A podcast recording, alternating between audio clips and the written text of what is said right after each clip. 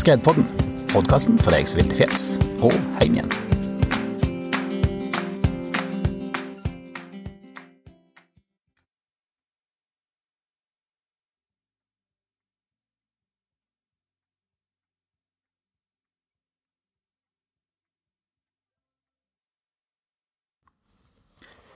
Velkommen tilbake til Skredpodden. I dag skal vi snakke mer om skredvarslinga. Men eh, ikke om eh, hvordan vi kan forstå skredvarslinga, men mer hva skredvarslinga er, hvordan den er organisert. Ja, hva er det som ligger liksom eh, eh bak? Hvordan kommer en fram til det som, eh, som vi leser i skredvarslinga? Og så òg litt om eh, ja, samfunnsoppdraget til skredvarslinga og effekten er det sånn at eh, skredvarsling bidrar til trygge valg, eller er det sånn at eh, det kanskje ja, kan det til og med bidra til at vi utsetter oss for mer risiko? Den som jeg skal spørre om dette, det er deg, Rune Engseth, eh, så velkommen til Skredpodden. Tusen takk. Ja, og Før vi begynner, så hadde det vært interessant å bli litt mer kjent med deg. Så ja, hva gjorde du før du begynte å jobbe i skredvarslinga? Altså, vi startet jo snøskredvarslinga i 2013. Eh, så før det så jobba jeg med, med isbreer, glaciologi, eh, på NVE siden 1996. Og bruka satellitter eh, til fjernmåling og overvåking av isbreer. Så jeg har også jobba en god del for Norsk Folkehjelp i ulike land i Asia og Afrika med mine- og bombeproblemet, som i høyeste grad er litt sånn tilsvarende skred på en måte. Plutselig smeller det. Og så jobber man for å unngå det når, eh, ja, når man er på veien eller eh, skal dyrke marka si eller er på tur. Ja, Lærte du noe i, altså i Asia for folkehjelp som du tenker liksom er, er, relevant? Er det som vi har noe å lære av her hjemme? Um, mange, altså Forskjellen på snøskred og, og, miner er jo for så vidt det at du kan fjerne miner, mens snøskred der er det snøen som er trusselen. Um, så det, så på en, på en, måte så er det noe du kan gjøre noe med. Samtidig så er det landmineproblemet var jo kjempestort, sånn at det tok jo veldig lang tid før man ble kvitt det. Uh, så man måtte lære seg å, å, å, å vurdere om det var risikabelt eller ikke å dyrke marka eller gå den stien du tenkte ned til elva. Og mange steder så var jo minene satt ut som sånne ja, terrorminer ikke sant? for å skremme folk for å bruke store områder. Og Det var jo effektivt. og På samme måte kan du tenke deg snøskred også. Eh, man kan jo bli eh, helt fjetra og dødsredd for å være i terrenget når man ser filmer av snøskred. Men samtidig, hvis du velger riktig dag og riktig terreng, eh, så kan du helt greit være ute på tur også i skredterreng hvis, det, hvis du har kompetanse til det. Ja. Men du, Vi må tilbake til 2013. Hva var det, hva var det som skjedde før Norge fikk skredvarsling? Altså, Hvorfor har vi fått skredvarsel? Det er veldig godt spørsmål hvorfor det tok så lang tid. Eh, for det har jo vært eh, slik at snøskredet har tatt mye menneskeliv eh, i Norge over ja, mange hundre år. Stort sett vært knytta til bebyggelse tidligere. Men i 2009 så ble det bestemt at NVE skulle ha det statlige ansvaret for forebygging av skredulykker. Det var fjellskred, det var snøskred, jordskred, kvikkleireskred osv. Og da så man på hvilken hvor skjer ulykkene? Hvor er de største skadene? Hvor er det flest mennesker eh, dør knytta til skred? Eh, og så ble det bestemt at eh, en av måtene man kan jobbe forebyggende, er å ha en skredvarslingstjeneste. Så egentlig det som var bakgrunnen at noen fikk ansvaret for det, og at man så at dette var en av de virkemidlene man kunne starte opp med da, for å få ned ulykkestallene. Ja. Men eh, skredvarsling er jo ikke noe nytt sånn i verden som sådan. Eh, kan du si noe om de andre landene som har skredvarsel, og hvor lenge har han holdt på med dette her? Ja, altså Det har jo vært snøskredvarsler eh, i lang tid, i mange år. F.eks. Sveits. Eh, så feirer de 75 år nå rett før julaften i år. Ja, det er ganske imponerende. så det er liksom starta rett etter krigen. ja. eh, og i Norge så har NGI drevet med skredvarsling i mange, mange år. Eh, Eh, men vi har ikke hatt noe skredvarsling for offentlig skredvarsling. Altså et varsel som sier om skredforholdene rundt omkring i fjellet og på veiene osv. Eh, tilgjengelig eh, åpent i Norge. Og vi ser at det er mange land som har problemer enten i forhold til bebyggelse, veier eller Ja, nå er den største målgruppa for veldig mange av skredvarslingstjenestene er jo friluftslivet. skikjørere, scooterkjørere osv. Det er der ulykkene skjer. og Mange av disse landene har skredvarsel. De har en skredvarslingstjeneste. Uh, så Det er Canada, det er de fleste europeiske landene med fjell og skredproblemer har skredvarslingstjenester. Ja. Men du, så, så, ble det bestemt her at Norge skulle ha skredvarsling. Hva gjorde dere da? Altså, hva, hva har veien ifra at det ble bestemt til, til det ble lansert? Det høres jo det høres ut som et ganske stort prosjekt å dra i gang, tenker jeg. Ja, Det var en utrolig spennende oppgave å få. og eh, Det ble jo jobba veldig hardt i en periode der for å få etablert skredvarsling. Vi etablerte både en varslingstjeneste for jordskred, jordskred og sørpeskred, og for snøskred. Det eh, første vi gjorde var egentlig bare å dra og besøke de landene som hadde bra tjenester. Vi besøkte Canada, både nasjonalparkene som har en tjeneste, og og Avalanche Canada, som er, som, som er, et skredsenter som dekker mye av Canada. Besøkte Sveits, Frankrike og ja, flere land og så hva de gjorde. Ble møtt med åpne armer og lærte egentlig hva, hvordan gjør de det, hva koster det, hvilken kompetanse må du ha, hva trenger du av observatører, stasjoner, varslere osv.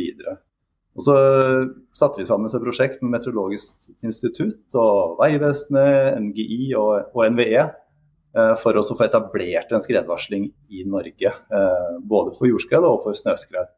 Og så var det slik at det, eh, Dette var jo egentlig sånn Ja, vi skal ha det, men hva koster det, og hva får vi til? Og, ikke sant? Det var jo ikke statsbudsjettet heller, så vi måtte jo også jobbe med finansieringen. og Der var Olje- og energidepartementet var jo veldig, veldig positive til oss, og, og også samferdsels... altså Veisektoren, Vegvesenet, Vegdirektoratet og også ja, Bane Nor var veldig sånn, positiv til å få dette i gang i Norge. Mm. Så eh, da gikk det fram til uh, januar 2013. Så fikk vi bygd det opp, og det var, det var skikkelig sånn dugnad uh, og kjempeløft. hvor veldig mange jobba hardt for å få det etablert i Norge på best mulig måte.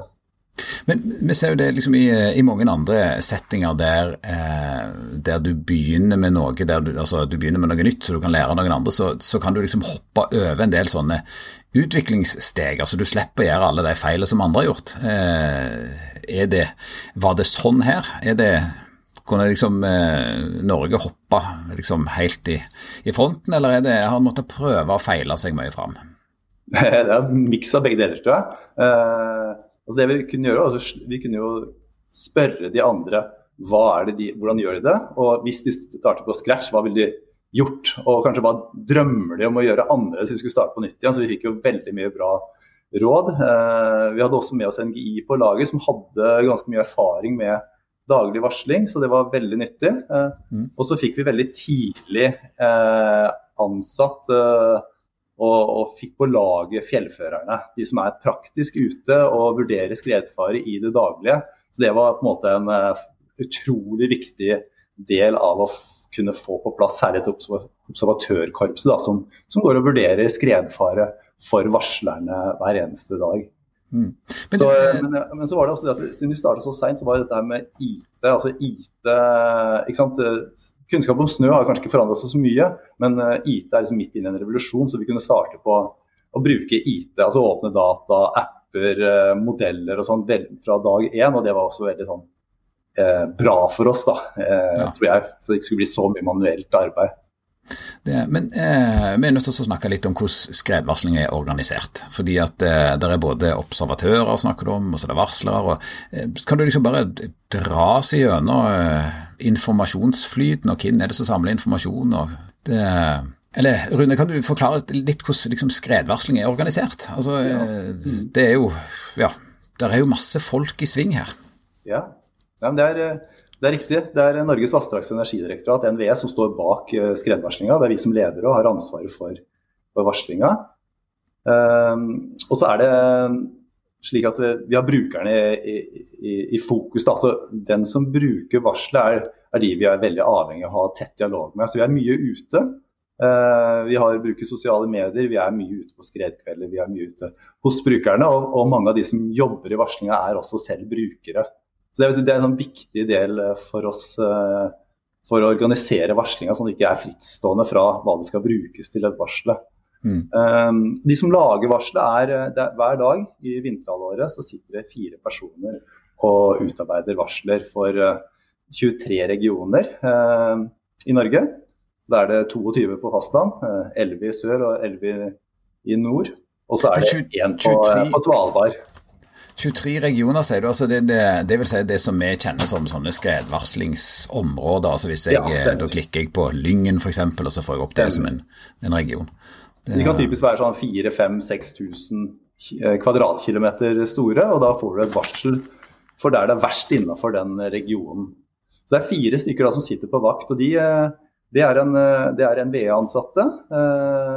Det er alltid en skredmeteorolog fra Meteorologisk institutt. I hvert fall har det vært sånn Eh, så lenge vi har tilgang til de. Og så har vi eh, av og til en Tindveileder som også er observatør, som er inne og varsler, eller en fra Vegvesenet, en geolog i Vegvesenet som er inne og varsler. Så det er eh, rundt 35 mennesker som da går en slags sånn vaktplan gjennom året og lager disse varslene. Da er det én av disse fire som er vaktleder, og det er da en skredekspert fra NVE. Som også er ansvarlig for kontakt mot media og, og, og beredskap hvis noen ringer inn på vakttelefonen. Mm. Og som også er ansvarlig for at eh, det skal være kvalitet på produktet, og at, skal, at eh, varslene skal komme til riktig tid. Ja. Uh, så Det er liksom, det er vaktgruppa. Det, de sitter og lager varslene uh, da hver eneste dag. og jeg må si et sånn par ord om hvordan de jobber. Det som kommer på vakt om morgenen, ser på observasjonen som har kommet inn, ser på værprognosene. Har en uh, brief sånn i nitida, hele gruppa. Og så hvis det er behov for å oppdatere dagens varsel, altså det er liksom skjedd endringer i løpet av mm. natta eller eller morgentimene, så oppdaterer man dagens varsel. Eh, og så begynner man å jobbe med varselet for i morgen og over i morgen.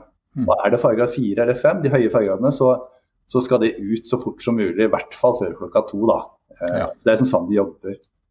Og så hva, hva, hva, bruker det informasjon? Da? De bruker informasjon for veldig mange kilder. Eh, det viktigste er sant, å, å, få kontroll med snødekket. Hvordan ser snøen ut? Er den mm. stabil, er den ustabil? Går det skred noen steder i Norge? Og Da bruker de eh, observasjoner fra observatørene og frivillige. Mm. Eh, vi har et observatørkorps på rundt 100 personer. Eh, jeg har avtale med 75 personer som er observatører. Så I tillegg så har Vegvesenet og Meteorologisk noen ansatte som går observasjonsturer. Men du, eh, altså du sa at det var 23 regioner som, ja. som dere leverer skredvarsling til. Eh, klarer det ene vaktlaget liksom å ha oversikt over alt som foregår i 23 regioner i hele Norge? Det høres jo ganske kolossalt ut. Ja, De er kjempeflinke, vet du. De er ja, de må jo være det. det, er jo, eh, det er jo hele Norge liksom går det noen skred. Jeg vil jo tro at det går skred hele veien uh, overalt. Ja, så, så, så, det er jo noe, altså Vi har jo jobba mye med å effektivisere hvordan de kan få presentert dataene. Og også kompetansen på de varslerne, slik at det skal være lett for de, eller ganske lett da også utarbeide et varsel. Men det er klart noen dager er ekstremt hektiske. Noen dager føler man at man har ikke nok informasjon til å skrive et godt varsel. Eller det er stor usikkerhet i enten observasjonene eller kanskje særlig eh, sant, i værprognosene hvis det kommer sånn byger inn som kommer enten organisert eller uorganisert. og Hvor mye blir det, hvor treffer det? Mm, mm. Kan være kjempevanskelig. Så Noen dager er hektiske og vanskelige, mens andre dager er kanskje litt mer sånn plankekjøring.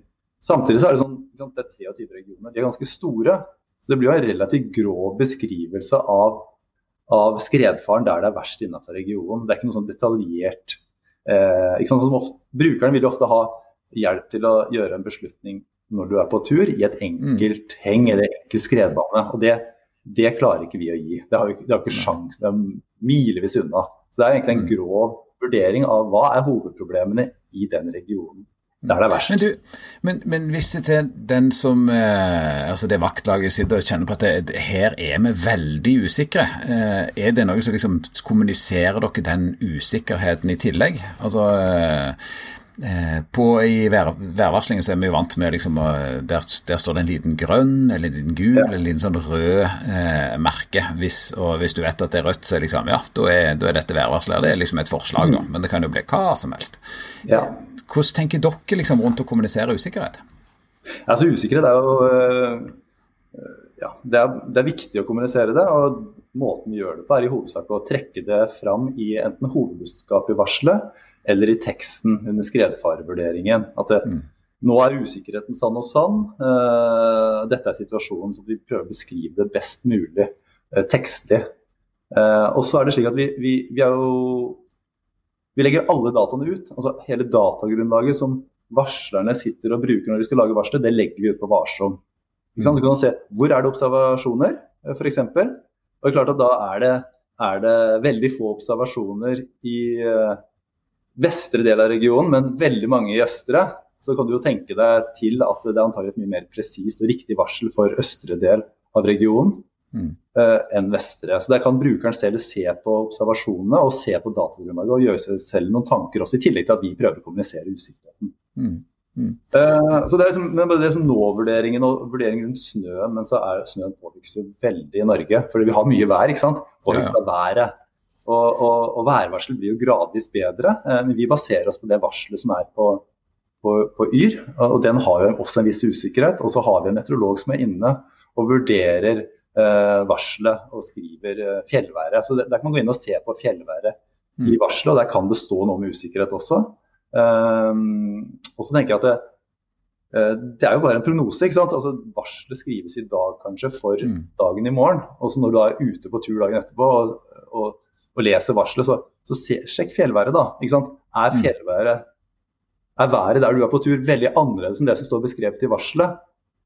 Ja, så bør det ringe ei bjelle. Så, så, bør det ringe ei bjelle. Da må du i hvert fall begynne å sjekke litt sjøl òg, for da kan det være at det kommer mye mer snø, eller det har blåst mye kraftigere ikke sant, enn det som var i værprognosen. Og da, da, vil jo også skredvarselet være ha den, den, feilen, kan du si. da. Fordi at de, ingen vet jo akkurat hvordan det blir dag, dagen etterpå eller to dager frem. Mm. Så, du, så, det er en kjempeutfordring, det med usikkerhet, og det, det, det, må man ta hensyn til også når man leser det. Vi prøver å beskrive det så godt vi kan innenfor den tida vi har tilgjengelig. da. Ja. Men klarer dere å kalibrere liksom, varselet på noe vis? Altså, at du har varsla det, sier at det skal være sånn og sånn, eh, skredfare. Og så, og, eh, altså, Skredterreng er jo vanskelig, for du aldri får den tilbakemeldingen. Sant? Jeg får mm. ikke det når jeg går, jeg kan være heldig, og, det, og dere sier at ja, men her er det, det, det er en, eh, her er du svært skredfarlig. Sant? Altså Her er det snakk om eh, mange, mange heng og store skred. Eh, mm. men, men, har dere noen sjanse i etterkant til å si liksom, eh, om jeg hadde rett eller feil? Eller blir det bare sånn at eh, du triller terning og liksom Klarer du å kalibrere det på noe vis? Ja, vi, går, vi, har flere måter å gjøre det på. Det ene er at vi, vi, eh, vi går gjennom en god del av de eh, nestenulykkene, altså der det har vært skredtatte og også mm. dødsulykker, og ser litt på det skredproblemet som, som gjorde at, at, du fikk en ulykke eller nesten ulykke, stemmer det med det som vi hadde i varselet. Ja. Og det, det, skredproblemet er veldig viktig, for det er det du bruker gjerne for å unngå å havne i trøbbel. Mm. Eh, så det er én måte vi gjør det på. Og, og, og jeg må si at jeg er veldig overraska hvor, hvor bra vi treffer på skredproblemet. Det. Ofte så er det skredproblemet som har forårsaka ulykken, er også det som var i varselet. Og det er beskrevet enten som et skredproblem eller i teksten. Mm. Um, og så er det andre vi kan gjøre, å se litt på faregraden. Uh, men faregrad er bare en sånn grovt tall egentlig på situasjonen hvor, hvor, uh, hvor, sannsynlig er det at det kan gå skred, og hvor store kan de bli. Det er veldig sånn grovt, uh, grovt tall. Men det er også slik at på Regops-appen så kan du eller RegOps, så kan du også gi tilbakemelding på hvor bra traff du på varselet. Eller hvor bra syns du varselet traff. Og, mm. så Der går vi inn og sammenligner da hva vi varsla med hva brukerne og observatørene sier faktisk ble situasjonen. Men der er det sånn at det, eh, Ofte så varsler vi litt høyere faregrad enn det de gir tilbakemelding på. For vi varsler jo der det er verst i regionen. ikke sant? Så Når de gir tilbakemelding og er kanskje nede i skogen, og så er eh, den største skredfaren er på fjellet, så er det naturlig at, det, eh, at du gir tilbakemelding på at skredfaren der jeg er, er litt lavere enn det som er i varselet. Det er jo det er liksom hensikten med både skredproblemet og fargegraden, er at, det, at, vi skal hjelpe folk å søke tryggere terreng. da, For de mm. kan se hvor er det mest utsatt. Mm. Uh, og så har vi fått en veldig sånn spennende, vi har en veldig spennende prosjekt med, ja, med Romsenteret og Norse, uh, som går på dette med å bruke satellittdata, radarsatellitter, uh, som har sendt opp to satellitter og kommer en til, og så kan du da overvåke i hvert fall våte skred, men også en del av de tørre skredene som går. Så da kan vi se i de, i de uh, situasjonene hvor det er ekstremt mye skred som går naturlig av seg selv, så er det mm. ofte skikkelig møkkavær og veldig vanskelig å ha observatører ute pga. sikkerhet og sikt. Mm. Eh, så da kan disse satellittene overvåke og se hvor mange skred løsner. Det eh, er på vei nå inn i skredversjonen denne vinteren her, og vi håper at det også kan være en måte å evaluere hvor bra vi traff. Altså for eksempel, Vi hadde en fargegrad 5-situasjon i Nordland for en stund siden. Og da brukte vi satellittdata for å validere hvor, hvor bra traff vi. Og vi viste at vi, vi varsla for høyt. Vi skulle kanskje vært på en firer. Ja, ja. Ut fra de observerte skreda. Da. Det er ikke alt som observeres, ikke små skred. Og mange tørre skred vil heller ikke observeres. Men det er rimelig utrolig kul ny datakilde for å, for å måte, sjekke ut hvor bra vi treffer. Ja, så det er en sånn standard det at det, eh, dere går gjennom varsler. Og, og hvis, jeg, hvis jeg hadde jobba som varsler for deg og liksom konsekvent varsla for høyt eller for lavt, så hadde jeg fått eh, Da hadde du banka på kontoret og liksom Men sånn Nå må jeg skjerpe meg, eller hvordan, er, altså, hvordan, tar, hvordan tar dere med dere disse dataene helt fram til de som sitter i jobben? Altså, vi gjør evalueringer, så vi gjør en evaluering på slutten av, vi har en evalueringssamling på slutten av året. og Så prøver vi også å jobbe kontinuerlig med forbedringer hos varslerne og hos observatørene. Både med kursing, samlinger, workshops og at man diskuterer hvor er det problematisk. Eh, så Vi har også sett litt på dataene til hver enkelt varsler, og vi ser jo det er ulikheter. Hvor mange ord de skriver, hvor raskt de går opp og ned på faregrad osv. Ja. Der vil det være individuelle forskjeller. og Det tenker jeg brukerne må være klar over også. at det, det, vil, det er en del subjektive vurderinger sånn at det vil være forskjeller på et varsel skrevet av Per og Pål og Kari. Eh, det vil det være. Men vi jobber mm. hele tiden med å systematisere det, slik at det blir mindre og mindre forskjeller Um, mm. og det, som, det, vi ser er at å gå opp på faregrad eller få inn et nytt skrevproblem det går stort sett rimelig bra så lenge vi har informasjon om det. Men det også, mm.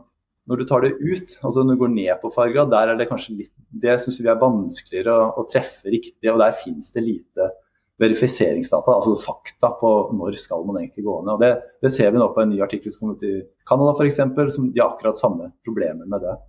Ja, det, det er, kanskje når du justerer faren opp. Det er kanskje da, ja, det er kanskje når det går opp, det er kanskje da det, det er viktig å få det med. da. Så, ja. så, og så har du det med for sikkerhets skyld til seinere, ja. sånn at du er liksom Ja. Det, Men eh, altså jeg tenker det, det, er jo det å innføre sånne Kall dette her et sånn sikkerhetstiltak, om du vil. Altså, eh, det, det kan jo gjerne liksom slå andre veien. Altså det at eh, F.eks. om du, får, du, tar på deg sikkerhetsbelte i bilen, og så kjører du dobbelt så fort fordi at nå har jeg sikkerhetsbelte på meg. Altså, tenker dere sånn noen gang om skredvarsel, at det, det, å tilby informasjon om at det her er eh, sånn og sånn er skredfaren, gjør at flere enten slutter å tenke sjøl eller utsetter seg for større risiko? Mm. Ja, absolutt. Det er et uh, dilemma som uh, må alltid tenke på, og en bekymring vi har. Uh, si, Varselet brukes jo av uh, folk på ski. Brukes av mm. folk som kjører scooter. Brukes av forskjellige veiselskaper som drifter veiene ikke sant? for å åpne og stenge veier. Det er klart at hvis de leser det varselet og bare følger det slavisk, mm så kan det godt være at det gjør at de vil ha færre ulykker, at de stenger og åpner riktig, på riktigere tidspunkt. Det er det som er intensjonen vår. da. Men det vi ser er at det, vi må jo også ha litt interesse for å tenke selv. ikke sant? Gjøre, gjør dine egne undersøkelser. Uh, og jeg tror at det, eh, det å gi informasjon, uh, samtidig som man, ønsker, man får mer bevissthet rundt faren, trusselen, uh, så gjør det at folk er interessert i å lære litt mer. og jeg tror heller at, altså Mitt inntrykk er at svært mange er mer konservative når de lærer seg mer om, om, om snøskred gjennom skredvarselet. Det er, liksom, mm. det er trenden mitt inntrykk er. Men det kan være at det er feil. ikke sant? Altså Forebyggende arbeid er fryktelig vanskelig å, å måle effekten av. da. Men eh, mitt inntrykk er at uh, folk velger i større grad å av, altså ikke ta en skarp tur mm. hvis det er stor skredfare eller skredproblem de ikke kan håndtere. Eh, og Tilbakemeldinger fra veisektoren, Vegvesenet, Vegdirektoratet og, og disse eh, selskapene, entreprenørene som drifter veiene, er også at de har bedre grunnlag nå for å åpne og stenge veier enn det de hadde før. Og ikke minst kan de gi bedre informasjon til eh, trafikantene. ikke sant? Fordi de, de, ser i forkant at nå, nå er det varsla sånn og sånn, eh, da vil situasjonen bli sånn og sånn. Ja. Du, eh, Framover, da. Nå er det skredvarsling, og de, eh, dere har holdt på i eh, sju år nå. Ja, vi er på niende sesongen nå. Niende? Ja, skal i gang med niende, ja. Hvis jeg riktig riktig, da. ja, ok, men da, i gang med det. Ok, så Skredvarsling er liksom i gang med den niende sesongen. Så snart dere runder snart tiårs, eh, liksom, eh, skal snart ha tiårsjubileum. Men hvis vi liksom kikker ti år fram, da. Hva har skjedd hvis vi, jeg og du tar opp tråden om ti år? Hva, hva har da skjedd på eh, skredvarslingssida? Har vi skred, en skredvarsling sånn som vi kjenner det i dag? og Er det organisert sånn, eller? Ser verden helt annerledes ut. Det er jo ikke godt å vite om det har snø i det hele tatt om ti år, men eh, ja. Hva er utviklingsplanene for, eh, for skredvarselet? Ja, det er et godt spørsmål. Altså, det, vi jobber hele tiden med å få et bedre produkt. Da. Altså Et produkt som er mer tilpassa målgruppene. Altså Om det er scooter, så prøver vi å tilpasse det. Er, det. er, du teknisk sjef i en kommune med skredutsatt bebyggelse, så prøver vi å tilpasse til deg. Og er du ikke sant, på skitur f.eks., så for å tilpasse det til, til, du som er det. Så, så, det å jobbe mer med målgruppene, det tenker jeg vi kommer til å gjøre. Vi kommer antagelig til å bruke mer film og bilder fremover, tror jeg, for det er veldig visuelt. Eh, og så jobber vi med å få varselet mer presist, altså mindre usikkerhet, høyere oppløsning. Kanskje vi kommer til å kjøre varselet flere ganger om dagen og oppdatere flere ganger om dagen og for mindre områder. Litt sånn tilsvarende værvarsling har gått. ikke sant? At det, mm. Før så fikk du kanskje et varsel en gang i uka og så en gang om dagen, og nå får du det oppdatert hver time. Det tror jeg, det det tror jeg kommer til å skje i større og større, mer, større, større grad. Uh, og så tror jeg at uh, nå har vi jo snart laserskanna og fått en ny høydemåler for hele Norge. slik at uh, vi kan vi har jo allerede nå kart som viser hvor det er løsneområder og hvor det er utløp. Men når vi får laserskanna alt, og alt blir høyoppløselig, så vi kan lage bedre kart som viser hvor kan du løse ut skred, og hvor kan skred eh, treffe deg. Altså utløpene for skred. Og kanskje også kombinere de to tingene i et, i et bedre produkt for deg som bruker. Ja. Eh, og så tenker jeg også det, det vi jobber med, altså gjør det enklere for folk å velge. og Der er det sånn veldig dilemma. ikke sant? Trenger folk kompetanse og kunnskap og erfaring? For å gjøre egne vurderinger, eller skal man tilby en tjeneste som tar valgene for deg, eller i hvert fall mm. langt på vei. Mm. Der er det En ting er hva du kan gjøre teknologisk, og den veien ting går i samfunnet. Og det andre er hvilket ansvar skal man ha, hva er det etisk riktig. Uh, og det er sånn som Vi, vi diskuterer en del sånn liksom, Vi er staten, vi bruker skattepengene på det. Hvor langt skal vi gå i den, i den, i den retningen? da? Uh, men ser du det på flere og flere arenaer så er det jo slik at uh, du får tjenester som hjelper deg å ta gode valg i større og større grad. Og Jeg tror også det er den veien skredvarselet bør gå. Ja. Det høres, det, det høres interessant, men mm. det, det, er krevende ut samtidig. Ja, men Du sier ti år, ikke sant? så jeg tenker det er den veien det vil gå. Men mm. jeg tror uh, om ti år også så kommer ansvaret for hvilken valg du tar i skredterreng, det vil fortsatt være hos den enkelte. Det er ikke noe som staten eller skredvarslingen vil ta. Det, du må selv ha en del kompetanse og erfaring og gjøre noen valg basert på den informasjonen du får. Eh, så det ansvaret vil fortsatt være på deg eh, i forhold til om du vil gi i skredterreng eller ikke i skredterreng, som kanskje er noen nøkkelspørsmål for veldig mange. da. Ja. Jeg tenker kanskje at det er liksom en god plass å, å runde av, Rune. For at, at, selv om du har et godt skredvarsel, så er fremdeles ansvaret ditt. Og skredvarsel er, er lagt så godt som kan, men der er det usikkerhet, så vi, vi kan ikke slå av og, og gå helt på autopilot eh, om uansett. Jeg har lyst til å bare ta én ting på slutten ja. her, Audun. For ja, ja. Nå sier du dette med ansvar og, og usikkerhet. ikke sant? Eh, en måte som vi ser usikkerheten går ned på i skredvarselet, det er ved at eh, folk på tur selv bidrar med observasjoner av det de ser. Ferske skred, ustabil snø, innblåst, nyinnblåst snø, ikke sant? de enkle tingene du kan se på tur. Deler det på Regops-appen.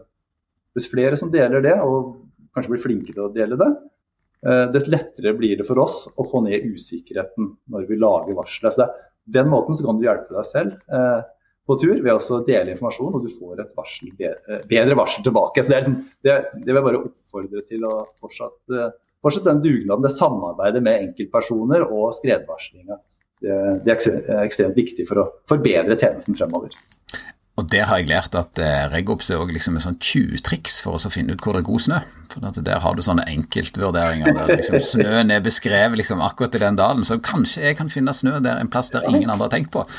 Det er jo for, eh, I alle fall her oppe i Tromsø så begynner snø å bli sånn et knapphetsgode på, ja. Eh, på solskinnsdager. Så eh, det blir, det blir neste sesong. Da skal jeg nilese Regops. Det er en oppfordring til alle, ja, en oppfordring til alle som hører på. Det er bare å fiske fram eh, Regops eh, varselmappen, og så sende inn observasjonene, og så skal jeg sitte nilese lete etter snø. Ja. Rune Eikseth, tusen takk for at du var med. Fint. Takk skal du ha.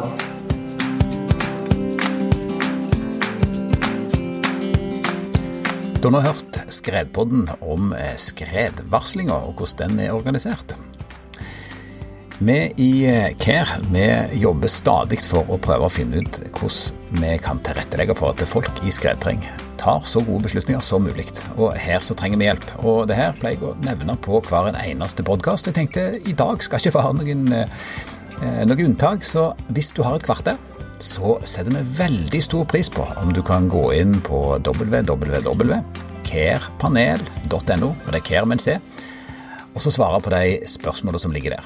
Hvis du gjør det, så blir du med på et eh, forskningsprosjekt som strekker seg over flere sesonger. Der vi spør om noen få spørsmål hver sesong, og eh, ja, i sammen så eh, kan vi samle det vi mener er viktig informasjon som kan sette oss bedre i stand til både å forstå eh, kanskje også hvordan vi kan liksom, tilrettelegge skredvarselet, eh, men eh, sånn generelt hvordan, hvordan, vi lærer og hva vi forstår, og hvordan vi kan ta bedre beslutninger i skredterreng.